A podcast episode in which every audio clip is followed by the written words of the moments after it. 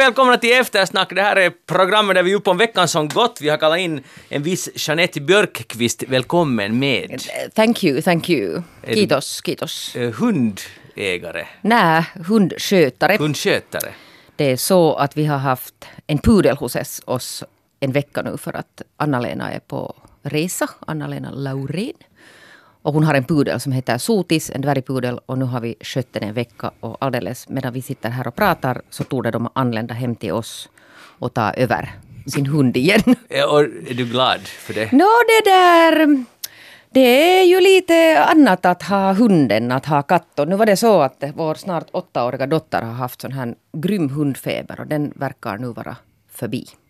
Aha, så det, på det sättet behändigt att ha hundar. Ja, hon märkte ganska snabbt att det är ganska mycket det där jobb med en hund.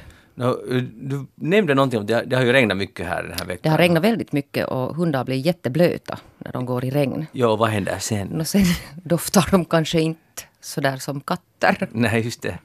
Så, så det har varit en viss arom då hos er? Till och med små hundar kan, det vet alla som har hundar. Så jag är ju uppvuxen med hundar. Jaha. Så jag är ju alltså van med hundar och det där, de, de luktar lite illa när de blir blöta. Precis.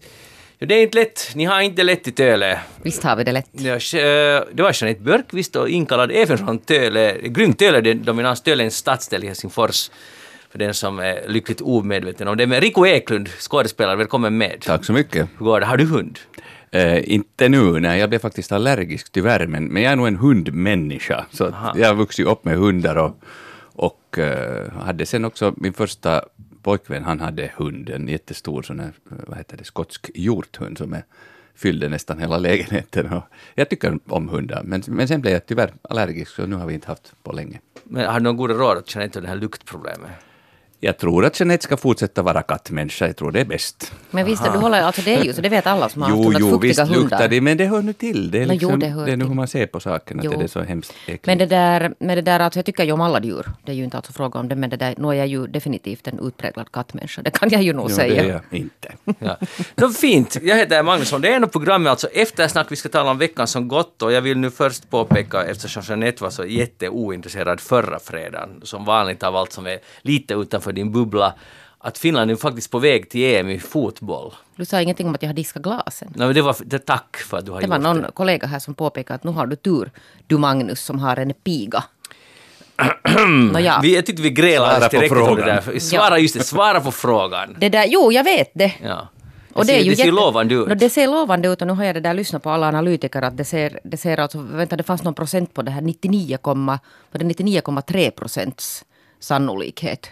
Oho. Och så fanns det någon sån här pikoliten att det skulle hända många, många, många missar där på vägen för att Finland inte skulle. Ja. Gå. ja, nu är det så. Liechtenstein väntar hemma. Poäng där. som sa att till och med de mest pessimistiska människorna borde nu liksom våga lite vända kälken och bli optimister. Men alltså det här är på riktigt en ganska stor sak för oss som följer fotboll. Jag vet inte om Rico Eklund hör till den Nej, jag hör skaran. tyvärr inte till den skaran, men jag har, så här mycket kände jag till att, att det håller på att ske någonting historiskt. Ja. Ja. Alltså så länge sen liten grabb har man gått på de där matcherna och tänkt att kanske det är den här gången, alltså hela tiden tänkt att kanske nu, kanske nu och nu är det på riktigt så och nu har jag inte ens varit på de där matcherna. Vilket är helt otroligt. Men nu, nu ser det ut att bli, jag vill bara hylla det här laget och hela den där filen som de har. Det är fantastiskt fint. Det var ett bra lag sportsår för Finland och det är tycker jag själv att det är viktigare eller trevligare än att individer lyckas. Vad tycker ni om den teorin?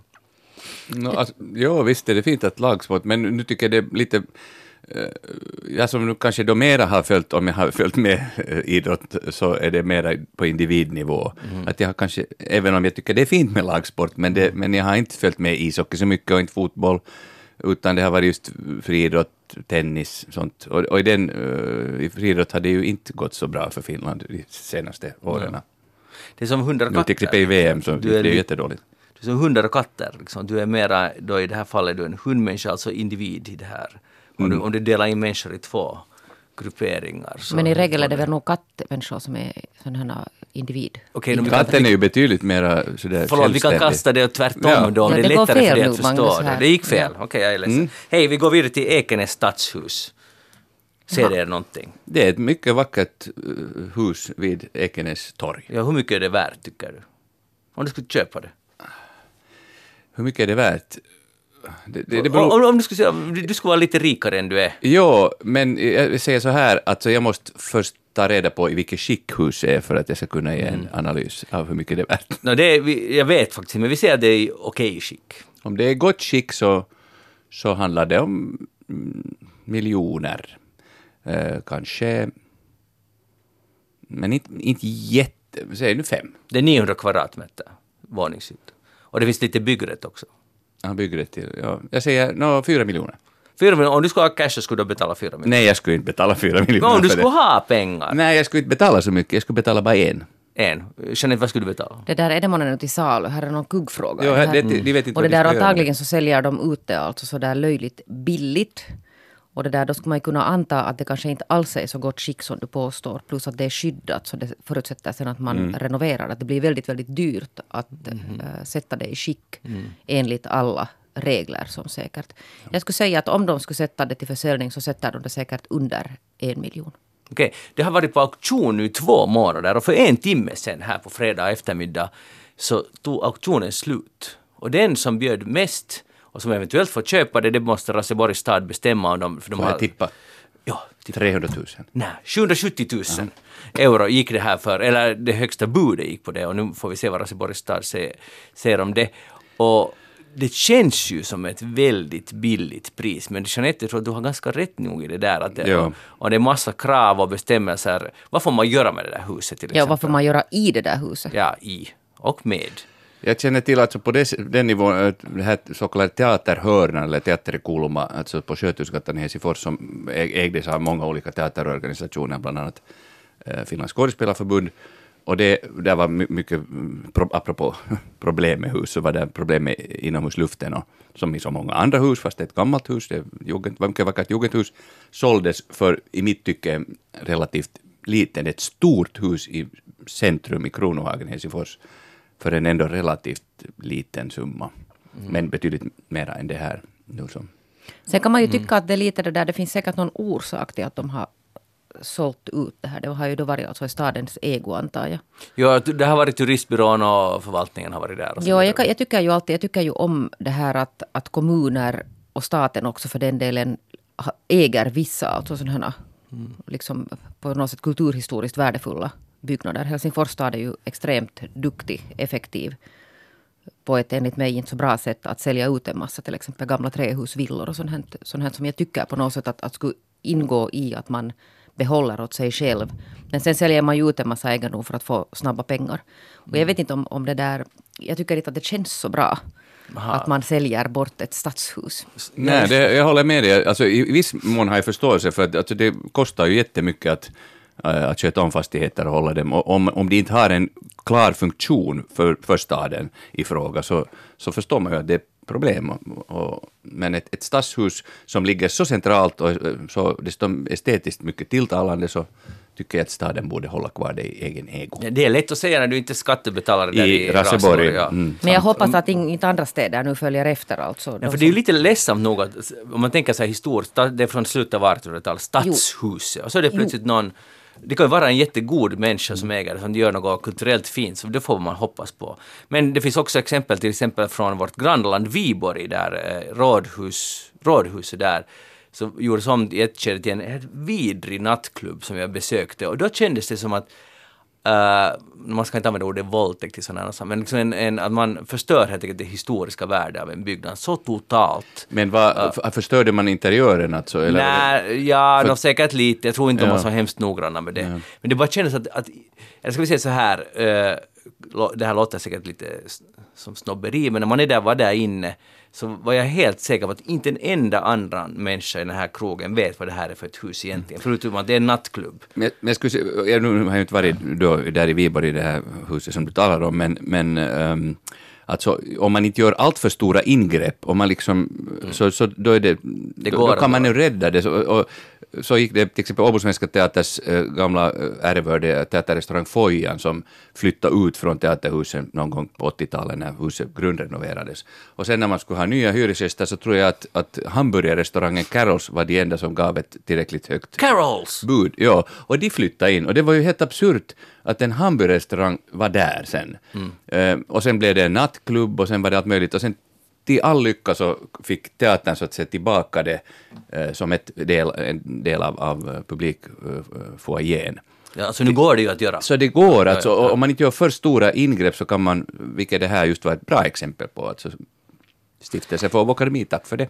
Men det skulle vara jätteintressant att veta, för den privatperson nu som har bjudit det här, vad har hen för planer? Ska det bli ett kulturhus? Ska, det bli ett, ska, ska någon bo där? Ska man hyra ut det till Men det måste ju finnas några rockband som behöver övningslokaler? Vad, vad ska det bli? Ja, nu borde vi ju alltså ha läst in oss lite bättre på att vad är alltså, jag menar hur, hur tänker Raseborgs stad där också? Att finns det alltså någon plan, alltså finns det sån här restriktioner på vad man får göra till exempel i det här, eller är det fritt fram att man We'll planlägger om det här? De har satt, lagt det de bestämt det att de, de avgör om de, de måste inte sälja för det här priset. Men de har det, inte det finns ingen minimipris som det, som det Nej, nej. nej. Men då kan det hända att de tar sig på något sätt den här rätten att det där definiera att, att vad man kan göra där, att man kan inte öppna något. Det blir spännande att se. Hej, eh, det som inte alls är spännande utan mer tragiskt det är nu det här kriget i Syr, norra Syrien. Och nu har det då förhandlats fram en, någon, någon form av, det får, man ska inte kalla det vapenvila för Erdogan säger att det är en paus. Det är Ja, inte och sen det- vapenvila. Men de har ju Och den lär- emot Ja, ja. Ja, och den är- håller alltså Nej, nej, inte. en paus som inte håller. I alla fall, men uh, storsint nog så gick de med på att under 120 timmar så får de här kurderna förflytta sig vänligen 30 kilometer bort. Och det här ansågs då vara, eller ville de framställa som någon sorts stor gest och Trump också, det här är en seger för, så här sa han, för civilisationen. Jag vet inte exakt vad han nu menar Vilken med det. deras sa det? Eh, Det var Trump som sa det. Att det är en seger och att ingen annan har fixat, igen förstås det här, att ingen annan har räddat så många miljoner liv som han nu, Trump nu fixar med det här, den här pausen och så vidare. Och det här skulle allt vara jättevitsigt om det inte skulle vara på riktigt. Alltså man, igen uppblåsta citat är ju alltid ganska underhållande men det hur har, hur har vi hamnat i den här situationen? Och vi är ju världen här i det här fallet. Liksom att det här är nivån nu och Erdogan, tydligen hade de här turkiska förhandlarna varit helt så att what? Att allt vad de ville ha gick igenom i de här förhandlingarna med Pence, USAs vice- vicepresident. Att allt, de kunde säga att så här vill de ha det, okej vi gör så. Och så blev det. Och det som håller det inte. Så sen kan man ju förstås diskutera vem är det som inte har hållit det. Men kan man förutsätta, alltså plötsligt var det okej att marschera in i ett land 30 kilometer bara man ger 120 timmar paus på befolkningen att flytta på sig. Det här är ju villkoren. Jag Det- skapar alltså en säkerhetszon i, en an, i ett annat land. Ja. Och, Alltså på en, på, i ett annat lands, på en, an, en annat lands område. och då är man en fredsduva om man säger att men ni, ni har fem dygn på er att flytta på er. Kommentarer? Alltså, ni, jag tror ni var inne i för förra sändningen på det här hur Trump liksom har svängt på... Det, det var en ganska fin eh, jämförelse där man hade klippt ihop liksom Trumps kommentarer nu om läge och för ett år sedan. Och det var helt, eh, alltså totalt, liksom, ha- hade vänt 180 grader, alltså vad han sa, eh, hur viktigt det är att, eh, att USA är, är där i fjol, och nu då var det inte det, och så drog man sig undan. Alltså, inte vet, USA borde ju, alltså, eller Trump borde ju inte ha gjort det beslutet, det är helt klart. Och han, sä- han sa nu också att, att det är de här kurderna och turkarna, att det är som barn i sandlådorna. Man måste ibland låta dem lite gräla och sen kan man liksom lite separera dem. Den här liknelsen. Jo, jo, och han är sa alltså att det finns mycket sand där, sa han. Ja, det sa han There's också. a lot of sand. There's a lot of sand. Vilket är ju också sant. Alltså jag Men undrar, att förstår han alltså inte? Att är det på riktigt så att den här människan inte förstår? Att är han på något sätt inte kapabel att ta till sig vad det är som pågår där? Jag tror, att, jag tror att det funkar på det sättet om man skulle ta, ta någon... Uh, om man skulle förflyttas dit i i tid och rum, eller inte i tid utan i rum dit och se civilbefolkning som flyr och det är olyckor så skulle han bli ett herregud och så skulle han försöka lösa det på något jag sätt. undrar att- jag, skulle jag, det- tror, jag tror men han är så på distans för honom. Nu, nu, han, han, har, han får den, upp, den information han får kommer någonstans ifrån och då stämmer den senaste infon han fått stämmer alltid för, för Ja, men jag skulle nog säga att om någonsin ever i den här presidentens karriär någon borde alltså tejpa fast hans fingrar och förbjuda honom att sitta och tweeta ut sånt här skit, sådär uppriktigt sagt. Så det är nu. För att nu snackar vi alltså människoliv här. Jag tycker att det är helt alltså perverst. Ja, flera hundratusen människor måste förflytta sig på grund av det här, den, här, den här pausen då, eh, eller kriget. Och hundratals har dött och säkert fler kommer att dö. Och sen att kasta ut sig sådana här, det, är helt, helt hisnande. Och det enda hoppfulla är väl att också republikanerna skulle vakna till och det har de ju re- redan gjort delvis att det här borde vi kanske inte gå med på. Men igen visar det hur mycket makt ändå presidenten har i USA. Att han är i princip ganska ensam om det här. Men han kan driva igenom det ensam för att han hade det där samtalet med Mm. Erdogan att nu gör vi så här. Och det driver nu, tänk på vilken nivå det här Ja. sker. Och det här brevet som han skrev till eh, Let's make a good deal. Det här brevet som, som de läckte ut med avsikt att visa att han är nog hård. Han, han kan nog kräva Turkiet på mycket. Så. Ett skrattretande. Det Alltså jag är bara säkert säger... Någonting tyvärr att, som man får återkomma till kanske i- Ja. under en lång framtid. Men jag bara undrar, Den alltså, det, det är nog liksom att, att ska, den, ska han alltså bli omvald? Så det, det är nog... Oh. Nå, hans popularitet har ju dalat nu till väl lägsta hittills. Nå, under men det brukar inte alltid sen det där. Nej, och det, det, kan det, hända det, förändringar alltså, där också. Takten har ökat, speciellt i USA, så mycket vad som avlöser varandra. Alltså är något som är skandal idag eller upprörande idag, så det kan på, på riktigt vara om tre dagar det är helt bortglömt. Så det, det kan hända, Mm. han hinner bli ännu jättepopulär, sen impopulär, sen populär före det blir val. Det kan hända vad som helst. Det är helt Ja, och de totalt. kommer ju att glömma, alltså de, de som ens bryr sig eller noterar det här som pågår nu. Ja, sannolikt kan de. Någonstans här i den här delen av världen så, så de, det, det är alltså borta om några dagar. Hej, vi går över till Brexit. Alltså Brexit med versaler utropstecken. Eller ett litet frågetecken. Eh, Och ett litet frågetecken också. Men det finns någon form av avtal än en gång och, Igen. i- och imorgon ska de ha det, ska brittiska parlamentet ta ställning till det här. Ha, har ni inside-information om hur det kommer att sluta? Riku? Eh, Ja, Aha. parlamentet kommer att rösta emot det här förslaget. Är det, är det så? Med, med knapp majoritet? Eh, Jag tror att majoriteten blir relativt eh, stark mot. Mot? Tror du Tror det? du det? Jag tror det. Att, du har kontakter? Kontakter. Ja. Är det sant? Ja. Och, och, och, vad är det som vi inte vet nu här? Eh, inte, inte det, alltså motståndet mot, mot det där Boris Johnsons regering är så pass stark att jag tror inte att det kommer att gå igenom. Men du förstår ju att det, är en, det vinner också Johnson på. Att om det, då kan han säga hej att, att jag gjorde mitt jobb med parlamentet här igen. Liksom. Det är sant. Ja. Men jag Sen går tror, han till val och vinner. jag tror ändå inte att de kommer att rösta för det. Okej. Jag, må, jag måste säga att det här är nog första gången Du tror att det går? första gången som jag, jag vet inte vad jag ska säga. Alltså för att det är Mm. liksom vad som helst kan hända. Ja. Alltså på sätt och vis kan man tänka att psykologiskt skulle det vara på något sätt nu i den fasen i det här landet att de helt enkelt inte mera orkar. ja, utmattning helt enkelt. Utmattning, alltså utmattning som gör att, att de godkänner. Det vet vi redan att där har funnits vissa partier som redan har meddelat att de kommer att rösta mot det här. Nå- och, nå det där, och inte det är ju liksom, inte det är ju liksom sådär klappat och klart men, men möjligen kan det hända att, att det går igenom. Där fanns ju någon sån här, sån här, det där, sån här time-out där sen att man får, man får checka det här att funkar det här för Nordirlands del. Ja, det finns alla, det det var ganska komplicerat. Det var jättekomplicerat. Jag försökte riktigt alltså förkovra mig i den här skillnaden alltså mellan de här alla avtalen som mig försökte presentera och vad sen alltså var de här små detaljerna. Men, men det är ju inte alltså något det där enkelt avtal det här. När backstoppen är borta men det finns istället liksom typ fullstopp. Det är liksom helt, ganska olika. Men på ett sätt tycker jag det är liksom sämre ur så här Brexit, hård Brexit-anhängarsynpunkt det här nya avtalet. Men det råder säkert delade åsikter om det. Men, men, men, Men alltså fall- där finns ju den här, alltså, för att om man nu lämnar Nordirland och liksom lite så där på sidan av där på Irland, så vad, vad, vad leder det sen till då? Men Nordirland liksom med båda fötterna i båda Ja. lägren. Det är en ganska intressant Och där koncept. finns en del som gärna hör till Irland och en del som gärna hör till Storbritannien. Och vi vet alltså vad, det, vad liksom det här området har för en historia. Så ni, eh, tittar ni annars på öpp, öppnande av eh, parlamentet? Tittar ni på det? Nej. Öppningen. Eh, jag tycker det är så otroligt. Ja. De är så fasta vid sina traditioner och ritualer. Och det, det är som en föreställning att titta på. Det är jättefascinerande. Och samma system har hållit på i, i många hundra år. Och, och drottningen var ju där, min, min stora favorit Elisabeth. Eh, och det var en mycket stor förändring hon har ju annars alltid kronan, den som hon har blivit krönt i, på sig under den, vilket är helt, på något sätt helt absurt, men samtidigt jättefint. Att hon bär, hon har ju ta, sagt i en av de få intervjuer, hon, hon ger ju inte intervjuer egentligen alls, så där, bara the, the, the crown is quite heavy. Att den, jag minns inte vad den vägde, men det var flera kilo alltså. Och det var första gången, tror jag, under hela hennes regentperiod som hon inte bar kronan, utan den var en page, eller han säkert någon benämning också, gick framför med kronan och hon hade sen en sån här lättare variant av kronan, men inte den här Var det kröningskronan. en plastversion?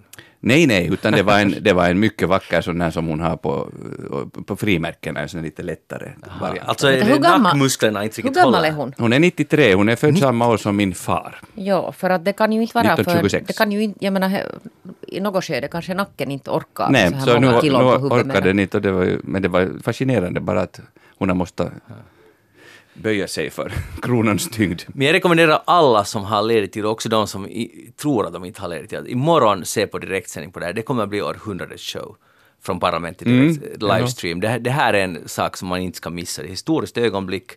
Och det kan ju vara att det bara drar ut och säger nej och så ska det ansökas om tilläggstid och det har Merkel sagt att det fixar sig nog. Fast Juncker sagt att det fixar sig inte och, och så vidare. Och, och så, om Rico, din prognos slår in så kommer det att betyda att vi får njuta av flera månader ännu av Brexit-fars. Ja. Men att Rico har ju, han har ju visat sådana här tendenser här på att vara sån här lite spå. Du, har ju, du gissade ju du gissade att Finland skulle vinna guldet. Ja. Och det där nu Och det sitter är han här helt och... samma genre. Ja, ishockey, alltså nu är jag full. Okej, vi kan alltså redan nu ställa oss in på förlängning av Brexit-farsen. Aj, aj, nu kommer jag att få äta upp min hatt. Vi får se hur det går. nej, nej, hem. vadå förlängning alltså? De kommer att godkänna det här Nej, han sa att de kommer att Nej, underkänna. nej, det är ju- Nej, du sa att du undrar. Jo, Mot- just det, det är sant. jo, Jo, jo. förlåt, förlåt. Det är skillnad, Ja, ja, det var det. Ja. Hej Katalonien! Följer ni med drama här i vårt eget lilla EU så finns det självständighetsförespråkare för Katalonien. ehm, och det där, nu har de ju i veckan fick Egentligen hela högsta garde av katalonska politiska ledningen fick fängelsedomar då, upp till, var det 13 år? Ja, 13 års fängelse, plus att de inte får ha offentliga uppdrag på lika lång tid. Eh, tycker jag känns sådär demokratiskt och, och anpassat till the European Union, Nobelfredspristagaren. Exakt, och det här, det här jag ville lite diskutera, vi har haft det tidigare i eftersnack också, men nu kommer det idag då, har det, varit, det är på gång en sån här, i Finland skulle vi kalla det för en bondemarsch, eh, marsch från alla regioner till, alltså i Katalonien, till Barcelona. Idag kommer det vara enorm maktuppvisning från i alla fall hälften av folket som är för självständighet eller i alla fall mot de här domarna som de fick. Så det kommer vara kaos idag i Barcelona och då är då många oroliga. Hur ska Barcelonas rykte nu klara av det här? För det är ju en ganska populärt, eller väldigt populär turistdestination och så vidare. Men jag skulle vilja diskutera det här att tänk att det här fortgår och, uh, inom EU och de får fängelsedom och EUs, EU-kommissionen säger att det här är en intern eh, spansk fråga. Ja, nu vill jag understryka Nobelfredspristagaren EU. Ja, just det! Ja, de tycker att det här är inte någonting, för nu är det ju... Men det är lite sån här kinesisk taktik, sån att det här är intern angelägenhet och då ska man inte liksom rodda sig. Men det är Det är mycket lättare så. Men tänk alltså, vi, EU är ju ganska arga på Ungern med rätta och Polen ännu mer Och kritiserar Ryssland ganska mycket också. Ja, men äh, nu måste jag tänka att Polen och, och uh, Ungern är EU-länder. Och där de kan man gå åt för vad de sysslar med. Och det är helt rätt att de gör det. Jag tycker att det, de borde vara ännu tydligare. Men med Spanien är det lite annan sak. Fast de säger att de här domarna handlar om att de har förskingrat pengar och sådana här saker. För där ingår också att de, de har försökt göra uppror.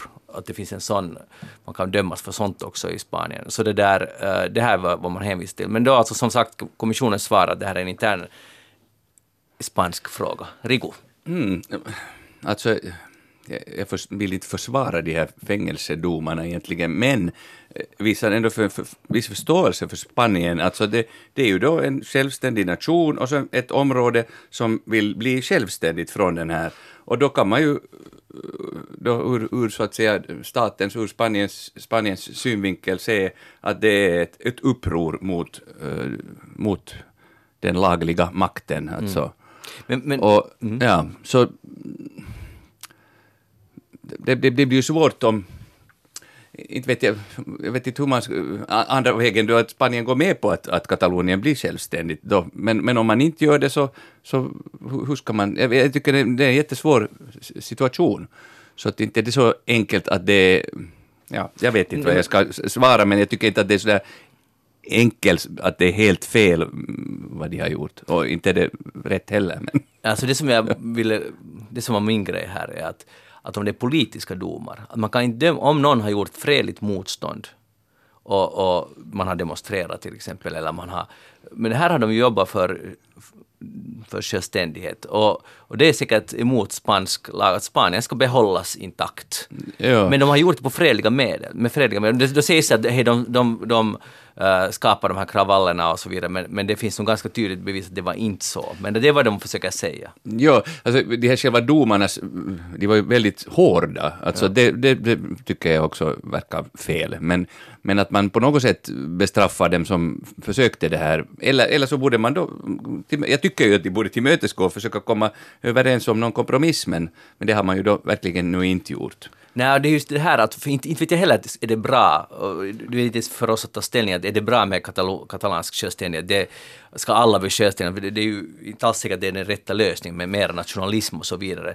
Men, men det sättet som, som centralregeringen har bemött det här, som inte så smart. Nej, det, det håller jag med Men jag tänker att, eh, ponera att Åland nu skulle vilja ha självständighet och så skulle de alltså helt klart säga att nu blir vi självständiga och Finland skulle skulle Finland då bara se från sidan och tycka att, att vi, gör, vi, vi, de får bli det då? Men, eller, då, eller, eller skulle man ingripa, skulle de straffas, de som försöker det här, om de skulle gå väldigt långt alltså? Jag har nog jättesvårt att säga att, det där, att någonting skulle kunna leda fram till det att, att finländska systemet skulle börja slå, alltså bura in då sådana här ålänningar, ålänningar som förespråkar ja, mm. självständighet. Det, det, liksom, nej, nej, något, det sitter inte nej, alltså nej, den här nordiska... Men jag tror ju inte heller, nej det överhuvudtaget det att de skulle kräva en total självständighet idag känns ju liksom inte... Men är inte det vi ju, tycker ni inte att, tänkvärt. har vi ens, alltså jag tycker om ålänningarna skulle gå och rösta, det skulle ordnas ett val, att ska mm. vi bli självständiga, så skulle de, jag tycker det skulle vara dumt, för Åland, för de hade ganska ändå okej okay Ja, och det tycker, tycker ju majoriteten av ålänningarna Men om de skulle rösta, det är det här frågan, om de ålänningarna skulle rösta och säga att, att vi vill faktiskt inte mera vara en del av vi vill bli självständiga, så, så inte kan vi börja bura in det här nej, folket nej. Utan då borde nej, de få bli det. Ja. ja, och då skulle mm. man ju inleda alltså en diskussion om att jaha, no, men hur skulle det här alltså då genomföras, för att Åland skulle ju inte klara sig som en liksom självständig stat, det vet de alltså själva mm. om. De har ju alltså vissa saker som inte alltså, som de behöver ha alltså av Finland, fastlandet, till ja. exempel hovrättssystem och sånt här. Eller försvar. Eller försvar eller något sånt. Så, så det, jag menar, men det skulle ju aldrig alltså gå så som det har gått nu i Katalonien med Katalonien och Spaniens centralregering. Aldrig. Nej. Det kan jag liksom bara inte se. Mm. Och igen att man måste förhandla, för då når man i alla fall de moderata. Man ska ta, tala nu med ålänningar och katalaner. Vad är, det, vad är liksom det allra viktigaste för er? Lika mycket tålamod som EU har haft med Storbritannien. Ja. Om vi backar liksom i tiden då när den här så att säga, eller det har ju varit en konflikt i flera omgångar, men, men senast alltså när det såg ut som att, att Katalonien kanske skulle gå mot någon så fanns det inte, jag upplevde då att det fanns en liksom förståelse från centralregeringen i Spanien att, att tillmötes, att, men det, sen, sen när det liksom trappades upp så, så blev, det, blev det sen den här... Det blev ja, kollision. Ja. ja, och nu är det ju jätteinflammerat. Det är ju, ja. det är ju gone nu, den möjligheten, mer att man skulle kunna på något sätt i alla fall i ja, så vad gör man nu? För nu har, de, nu har de skapat det här, nu är det liksom, nu har alla radikaliserats. Och det här är liksom mallexempel på hur man inte borde göra det, för nu är alla jättearga spanjorerna är säkert arga på katalaner, katalaner, vissa, hälften i alla fall i Katalonien är rasande på Madrid och så vidare. Mm. Så nu blir det, och egentligen det, har de ju levat ändå ganska okej okay där, ända efter Franco i så här hand i hand, det har varit ett okej okay läge. Men nu har det... 40 år. Ja. Ja. Så att, ja, jag är lite oroväckande, men jag är fascinerad av att det är nu bara en intern spansk fråga som vi ska inte blanda oss i den saken. Jeanette Björkis, vad har du tänkt på den här veckan? Nu hörde jag ska lite backa, alltså, sådär, på sätt och vis har jag tänkt alltså jätte, jättemycket på den här Syrien. Hela det här alltså läget där och det har egentligen att göra med en lite större sak för att det där jag har ju i tiden jobbat som utrikesredaktör på, på Husis, faktiskt anställd i tiden som utrikesredaktör och jobbar ganska mycket alltså på olika sådana scener där det händer en massa äckliga saker. Och en sån här sak som man alltid funderar på inom, inom medierna är det här, när det till exempel gäller krig. Alltså journalister som ser bildflödet, det finns ju fotografer alltså på plats på sådana ställen. Och det kommer ju helt vedervärdiga, alltså vedervärdigt bildmaterial från de flesta av de här konflikterna. Och så sitter man på redaktionen sen och gör alltid en sån här värdering av att, att vad kan man ta in av allt det här för att till exempel bildsätta då några nå nyheter. Och det, där, och det här är en sån här evighetsdiskussion inom, inom journalistkåren. Att, att, att vad kan man visa och vad kan man inte visa? Och när kan man visa någonting som är faktiskt alltså det där vedervärdigt. Och där i, i Syrien så finns den här, nu har de skickat Expressen har en sån här helt otroligt tuff reporter som heter Magda Gad. Som, som bor alltså, hon tror jag var hon i Afghanistan nu. Hon är bosatt alltså i Afghanistan men blev skickad nu till Syrien. Och hon har igår alltså, eh, hon och en fotograf, Niklas Hammarström, har igår alltså då skickat ut uh, video och bildmaterial som är helt vedervärdigt, alltså av de här angreppen mot civila. Och vad jag nu har förstått så har det, så har det blivit ganska mycket rabalder där i Sverige över att, att man visar alltså, här är ingenting censurerat, alltså det är inifrån ett sjukhus och, och sådana sönderbrända barn och, och jätte, alltså svårt skadade civila kvinnor.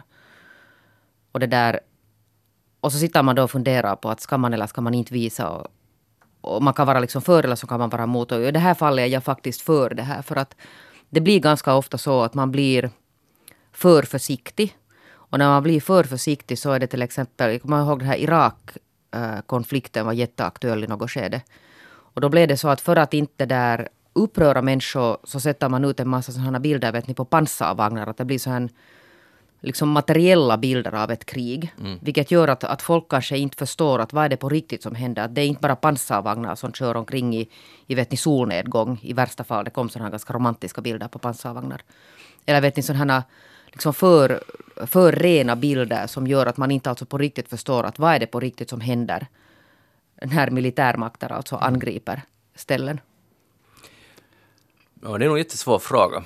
Men, men det är lätt att hålla med om att de här pansarbilderna neutrala är ganska onödiga. För vad berättar de egentligen? Det ser ju ut som att det här är krig, att där står nu en apparat eller maskin fordon och övervakar situationen, att det liksom inte har någon effekt. Men sen, sen igen, uh, om vi tänker på de här sjukhusbilderna, Ja, no, egentligen är vi ju värda att få de där bilderna. Liksom att... No, hon sa själv att det där det minsta man kan göra som sitter liksom här i sin, sin mm. liksom välartade bubbla här i Norden. Så det minsta man kan göra är att man åtminstone tittar på de här mm. och ser att, att hur ser verkligheten. Expressens chefredaktör har också gått ut och skrivit ett försvarsinlägg. Mm. Att varför de nu i det här fallet den här gången beslöt att, att lägga ut det här osensurerade material. Men varför just den här gången? Alltså, varför, hur kan man motivera att just den här gången? Nej, säkert, alltså, jag tror att de har säkert gjort det tidigare, men okay. alltså att varför de inte, för att hon har, hon har rapporterat alltså ganska mycket därifrån och nu beslöt ja. de sig för att nu sätter de ut alltså ett sånt här material.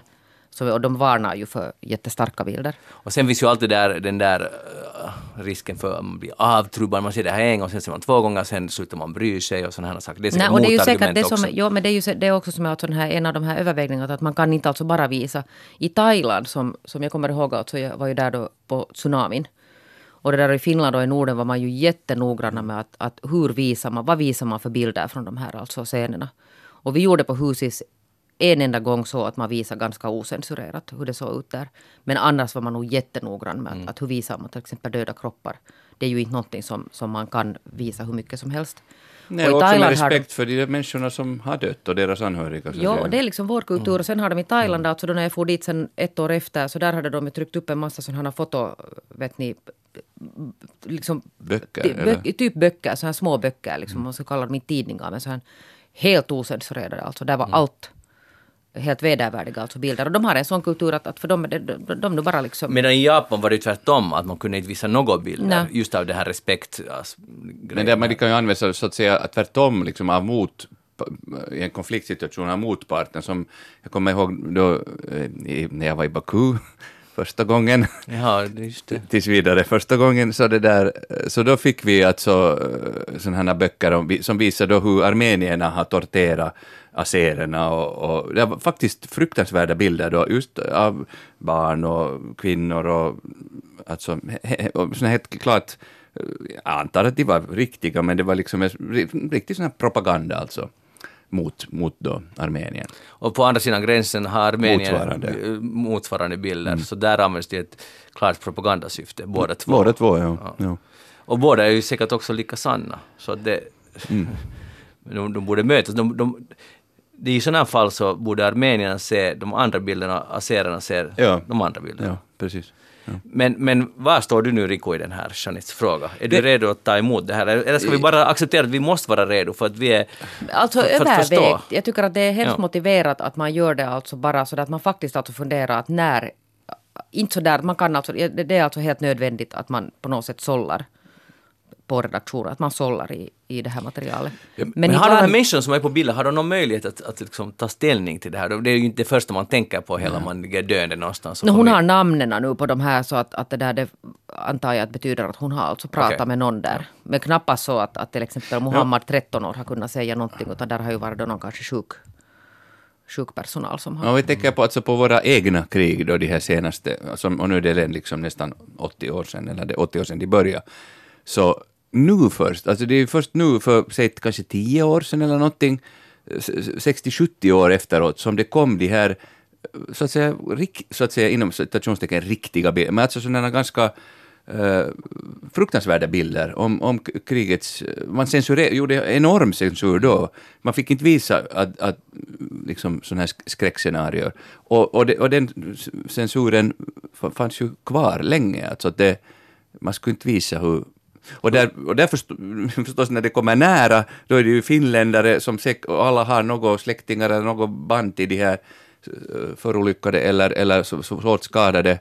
Så, så där jag antar det, dels av en sån här att man inte ska visa kanske, under, under pågående krig vill man inte visa hur hemskt det är, för att upprätthålla liksom både stridsmoral och, och en kämpaanda och så här. Och sen efteråt så, så vill man kanske då just kyla undan det och glömma bort det där svåra och gå vidare.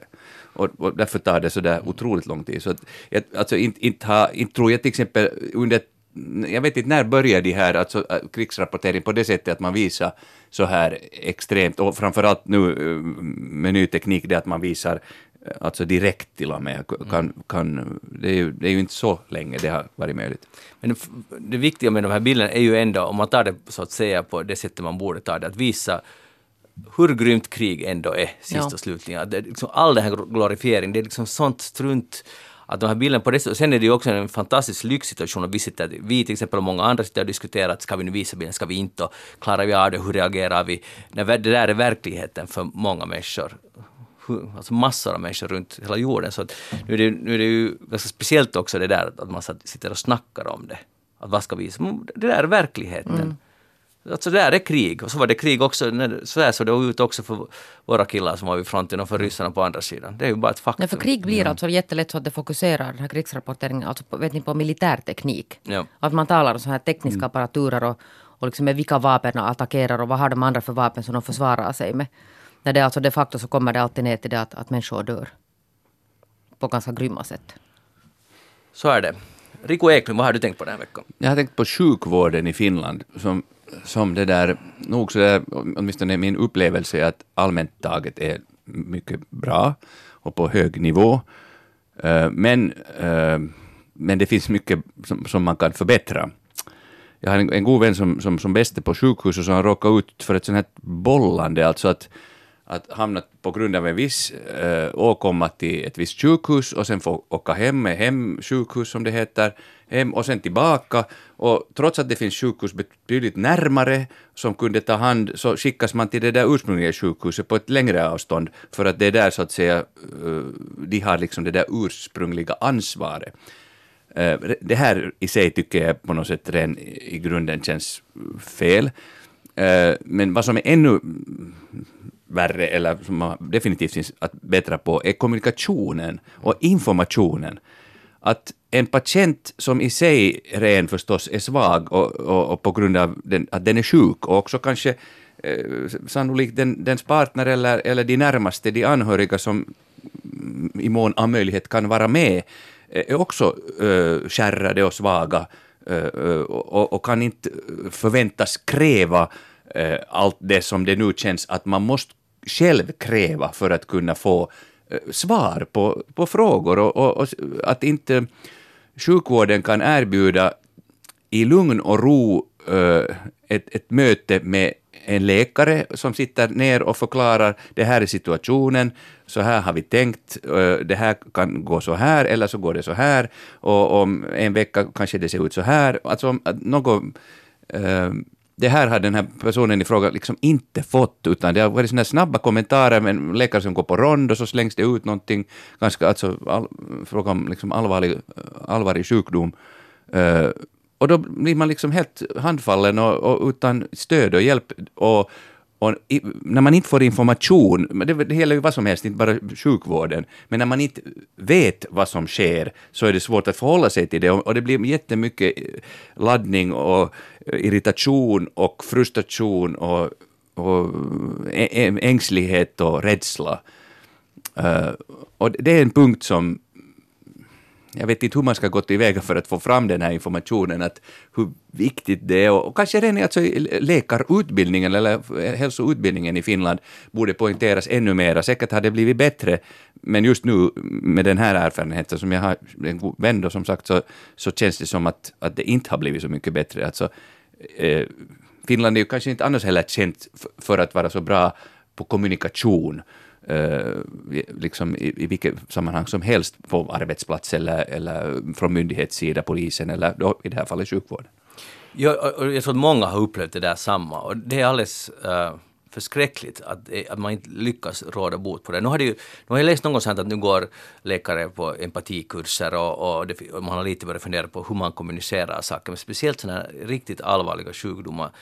Så, så det, det, förstås är det viktigaste själva sjukvården, men nu är det jätteviktigt också det där som du sa, mm. att kunna förmedla den här informationen och ha tid att prata. Och, ja, det blir det där att, att för att det är liksom många gånger vad jag liksom har, har upplevt det där, att, att det blir sen hemskt splittrat. Det är som du säger att det är den läkare som nu gick ronden.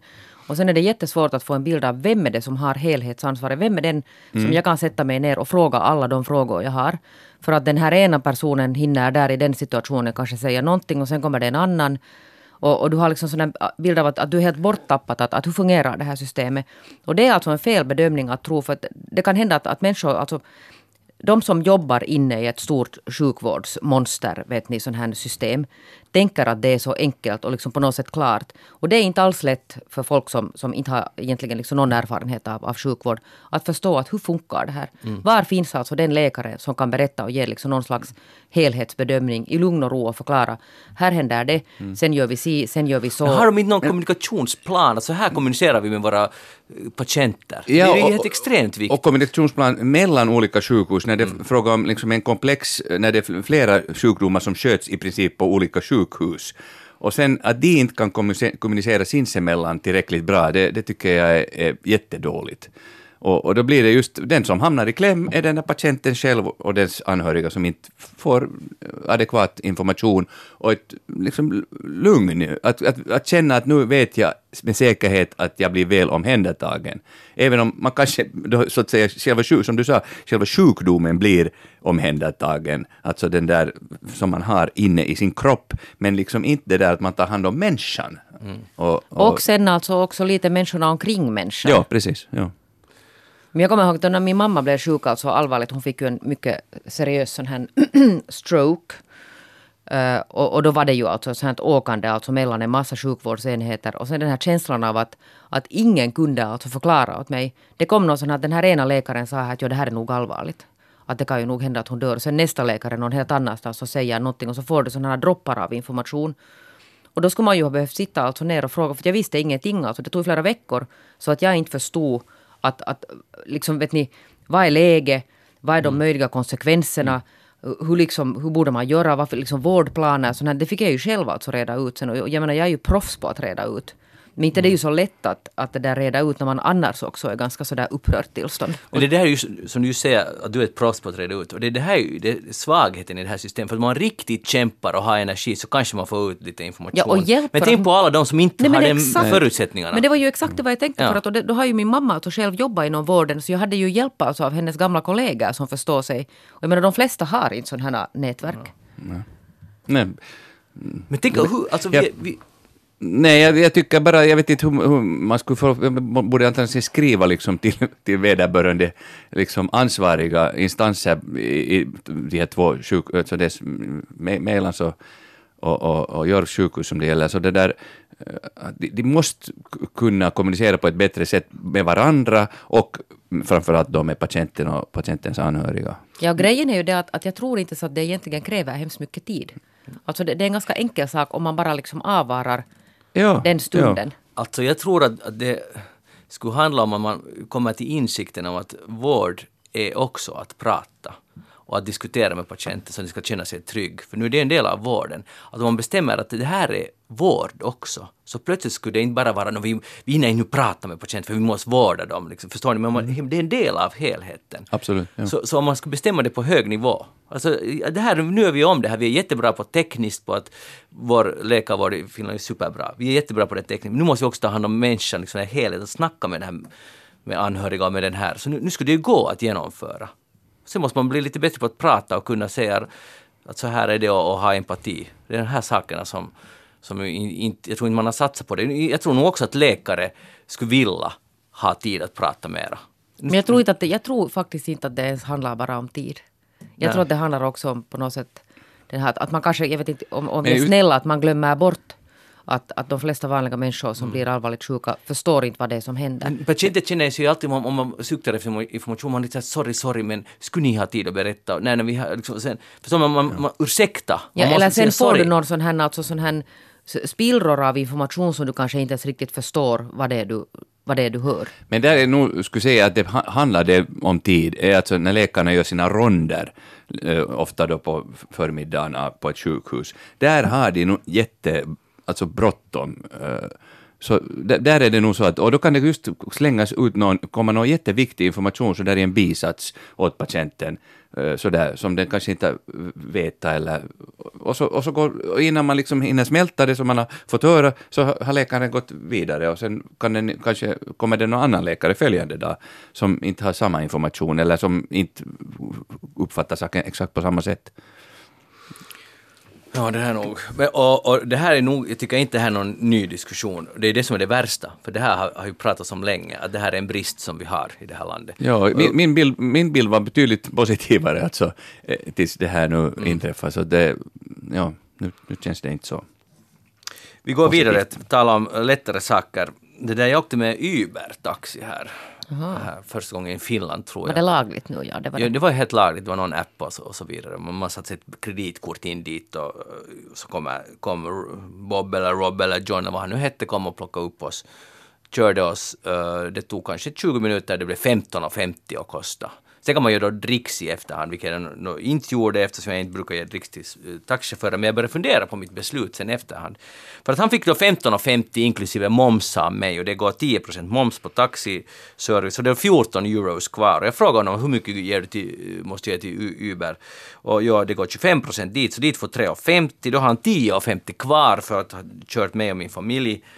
Och, det där, och bensinen räknar att det går nu minst en liter stadskörning kanske, no, ungefär en. Så då, så då har han 9,50 kvar då. Då är ju bilen äger han själv och, och där är ju försäkringar och reparation. Vi alla vet vad det kostar att ha bil i den här stan. Så 9,50 och, det, och om man tänker att han körde till, plockade upp och sen körde, han- måste han köra någonstans för att få en ny kund. Så det gick nog en halvtimme till det där. Så han kan komma upp till 19 EG i, i timmen plus att han då betalar sin bil själv. Och, och då är jag alltså nu kritisk dels till att det här att man vill, för det som drev mig att jag ville komma billigt hem. Jag ville inte ta, jag tycker att taxi är för dyrt och jag orkar, orkar inte gå till stan och ta buss därifrån. Okej? Och, och om jag ska vanlig taxi skulle det kosta, kosta ungefär 25. Så jag drevs av det här att nu ska vi få det här billigt. Och, och sen skämdes jag lite efter att, att, att det här är just, men ändå betalar inte den dricksen. Och det här betyder ju alltså att, att man tänker på fel sätt. Jo, men där finns en sån här liten... Okej, berätta, vad är Alltså sån här, teoretiskt kan jag förstå den här tanken. Alltså, för att i Finland är vi ju vana med det att dricks är alltså, det brukar vara inbakat i lönen. Ja.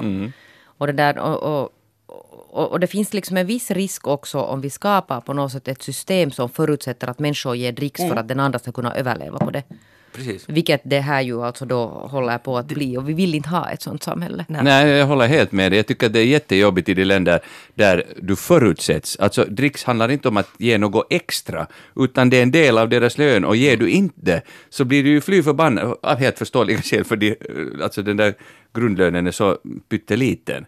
Så, men jag tycker inte alls om det. Och då blir det också när man tittar på en, säg nu just restaurangmeny och så tittar man på vad det kostar, så måste man alltid tänka, ah ja, sen blir det 20, 25, 30 procent till eh, som inte står där. Alltså, Ja. Jag, jag, förstår allt det där, men jag, jag försöker komma åt hur människan fun- fungerar, den snåla människan. Att, att man tänker att man vill komma billigt undan, sen inser man efteråt att, att, det, att det här är nu priset, det är att han gav den här servicen jättebilligt åt oss. Och sen Mm. går jag inte med på att betala dricks, så jag håller helt med dig. Men då borde jag ju inte ha tagit den här Uber. nej. Jag borde bara ha bara Eller så borde du betala dricks. Men, så kommer, alltså, vad- och- vad men så, kommer man, så kommer man in i den här loopen att om Ja. du inte skulle ha tagit honom så skulle han ha gått miste om den här, vad sa du? 9,50. 9,50. Ja, exakt. Och, och han, det, det kan jag säga att han behövde det nog. Jo. Han, han var nog i behov av... Du borde av betala lön dricks. för- Jag borde betala dricks. Men då, då, då, då kommer vi tillbaka till stackars Magnus som inte då, om jag skulle betala dricks, så då ska jag be, betala säkert en 10 för att det skulle bli lika mycket som det andra skulle ha kostat den här taxin. Så då skulle jag tillbaka till ruta noll. Förutom att han fick den här, han som behövde. Men vem vet att, hur vet vi att den där vanliga taxichauffören inte skulle behöva sin inkomst? No, det är klart behöver den vanliga taxichauffören sin Så vad är, har du Rico, du är skådespelare, du borde veta svaret. Jag, åker, jag ska har åkt faktiskt en gång också med Uber, men Ja. då var den lite försenad så det var dåligt första, dålig första erfarenhet, så jag brukar använda de här så att säga, så att säga vanliga taxibolagen. Eh, Det här är en, en av de få problemen i världen som inte går att lösa. Moral. Alltså, för det här är olösligt. Ni, ni ger inga klara svar åt mig hur jag ska agera nästa Jag gång. tycker att du ska ta en så kallad vanlig taxi. Där är Men sen är han alltså den här John utan sina pengar. Ja. Och så kör han omkring och får... John får köra någon annan än Magnus. Han sa att han jobbar, sig blod, han jobbar och jobbar och jobbar och det blir inga inkomster. Och, Nej, det kan jag och tro. det skar i hjärtat.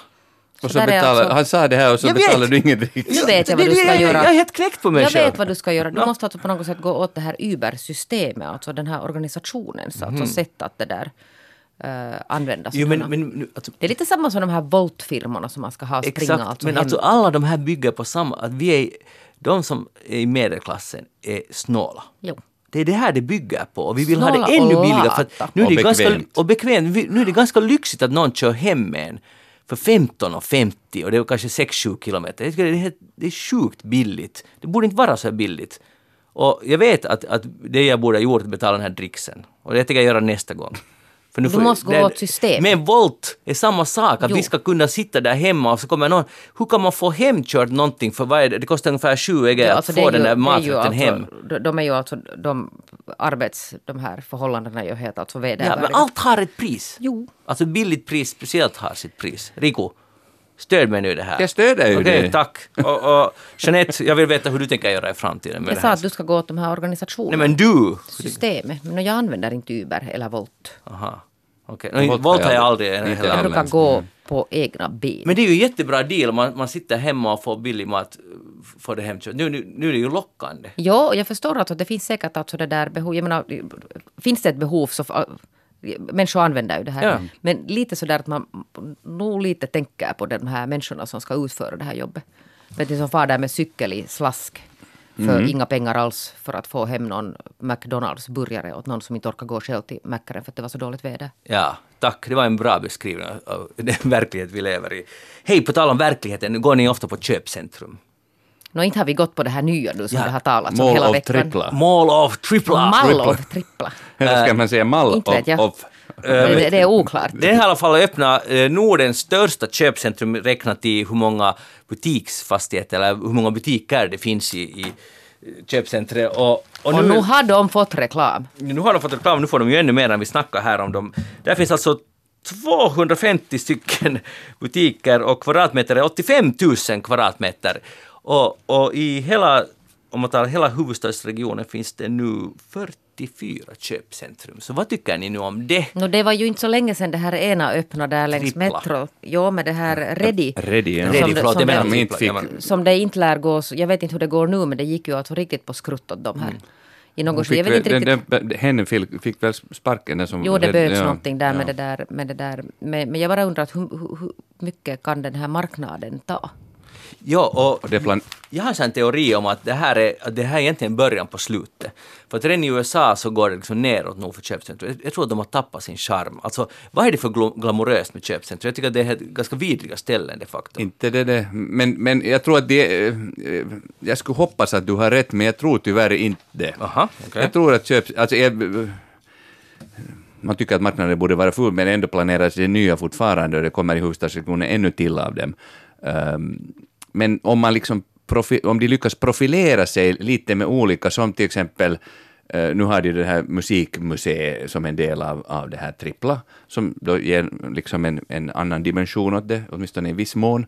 Och så finns det jum, Jumbo i Vanda, och där finns den här stora spa-anläggningen, Flamingo, som också har gett... Alltså att man, man försöker locka genom de här, eh, inte själva affärerna utan att det finns någonting annat där än affärerna. Men de är ju monsterplatser. Det är När man det, går det in i det. det. det är ju, Och de är det- likadana världen över, de är liksom inte, de, de är ganska opersonliga alltså, ställen sådär överlag. Att det, och samma uh, multinationella företag finns i de flesta Det finns bara ett problem alltså med det här, alltså Finland, för att det har, det har en viss liksom, relevans hurdant klimat vi har här också. Mm. För att sen när det är riktigt alltså jobbigt slask vinterväder så är det nog tyvärr så Mm. att jag tror att det är ganska lätt att man hellre traskar då och hänger i något köpcentrum. Förutsatt att det finns alltså några ställen att hänga på, för det är du ganska dålig på.